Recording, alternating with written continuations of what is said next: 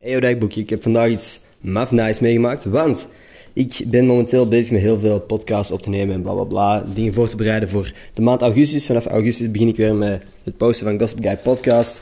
En een van de podcasts, eigenlijk de eerste aflevering die ik graag zou willen posten op Gossip Guy, had ik beelden van verwijderd. Die stonden op Dropbox en zijn verwijderd.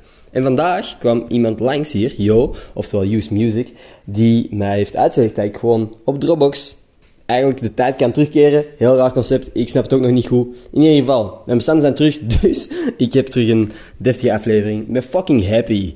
Ik ben fucking blij. Ik heb ook een... Ik heb mijn tv-debuut gemaakt. Als in, het is nog niet op tv gekomen, maar ik heb voor het eerst voor een tv-programma dingen mogen zeggen. Komt waarschijnlijk binnenkort op VTM. Cool. Ik weet niet wat ik er al over mag zeggen, maar hey, ik vind het cool. Ik ben benieuwd of ik awkward overkom op tv. En of ik ooit nog gevraagd word of dat dit mijn eerste en laatste keer was. Anyway, zodra ik meer mag delen, doe ik dat ook gewoon. Goeiedag.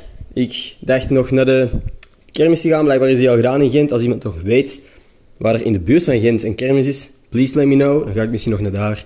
Alright, that's it. Tot morgen.